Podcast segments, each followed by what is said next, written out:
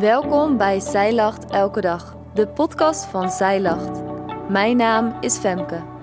Dit is de overdenking van 4 februari, geschreven door schrijfster Mandy Wittekoek. In de overdenking van gisteren ontdekten we dat de psalmen de plek is in de Bijbel waar je met je gevoelens terecht kunt. Ze geven voorbeelden van hoe jij met God kunt praten over wat er in je binnenste speelt. De komende twee dagen lezen we Psalm 3, waarin angst, hoop en vertrouwen in acht versen worden samengevat. Vandaag kijken we naar de eerste versen van deze psalm, waarin angst centraal staat. In Psalm 3, vers 1 staat: Een psalm van David, toen hij vluchtte voor zijn zoon Absalom. De toon van de psalm wordt direct gezet. David bevindt zich in een angstige situatie.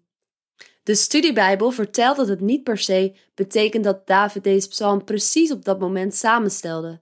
Je hoeft je David niet rennend voor te stellen terwijl hij deze zinnen opschreef. Wat het wel betekent, is dat je het kunt gebruiken als je in een soortgelijke of andere angstige situatie bevindt. In Psalm 3, vers 2 staat: Heere, hoe talrijk zijn mijn tegenstanders. Velen staan tegen mij op. Als David zegt: Hoe talrijk zijn mijn tegenstanders, weet hij waar hij het over heeft. Zijn zoon staat hem naar het leven.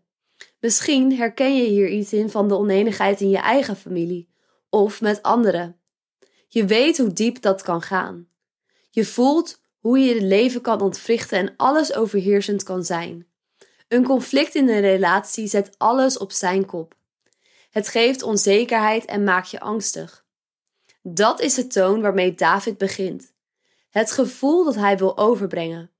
En vervolgens zegt hij in Psalm 3, vers 3: Velen zeggen van mijn ziel: Hij heeft geen hel bij God.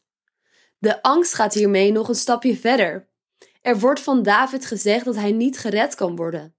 Davids leven is niet alleen in gevaar, maar zelfs zijn ziel. Herken jij je in de eerste verse? Dan mag je weten dat je niet alleen bent. Voordat we kijken naar de rest van de psalm, naar hoop en vertrouwen, is dit het gevoel waar we de nadruk op leggen. Je hoeft je angst niet uit de weg te gaan het in een doos te stoppen en op zolder stof te laten verzamelen. Jouw angst mag uitgesproken worden. Er is een plekje voor. David laat dat zien door de psalm ermee te beginnen. Het heeft niet voor niets een plaats in de Bijbel gekregen.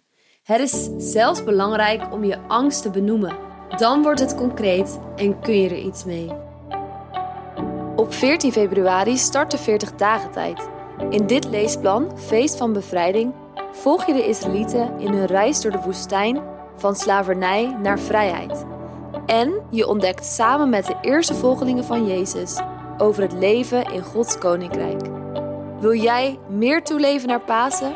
Bestel dan dit 40 dagen tijd leesplan via onze webshop. Dankjewel dat jij hebt geluisterd naar de overdenking van vandaag. Wil je de overdenking nalezen? Check dan onze website je vindt er ook meer toffe dingen die jou helpen om de Bijbel vaker te openen, zoals boeken, Bijbels, cursussen en evenementen. Morgen ben ik weer bij je terug met een nieuwe overdenking. Tot dan!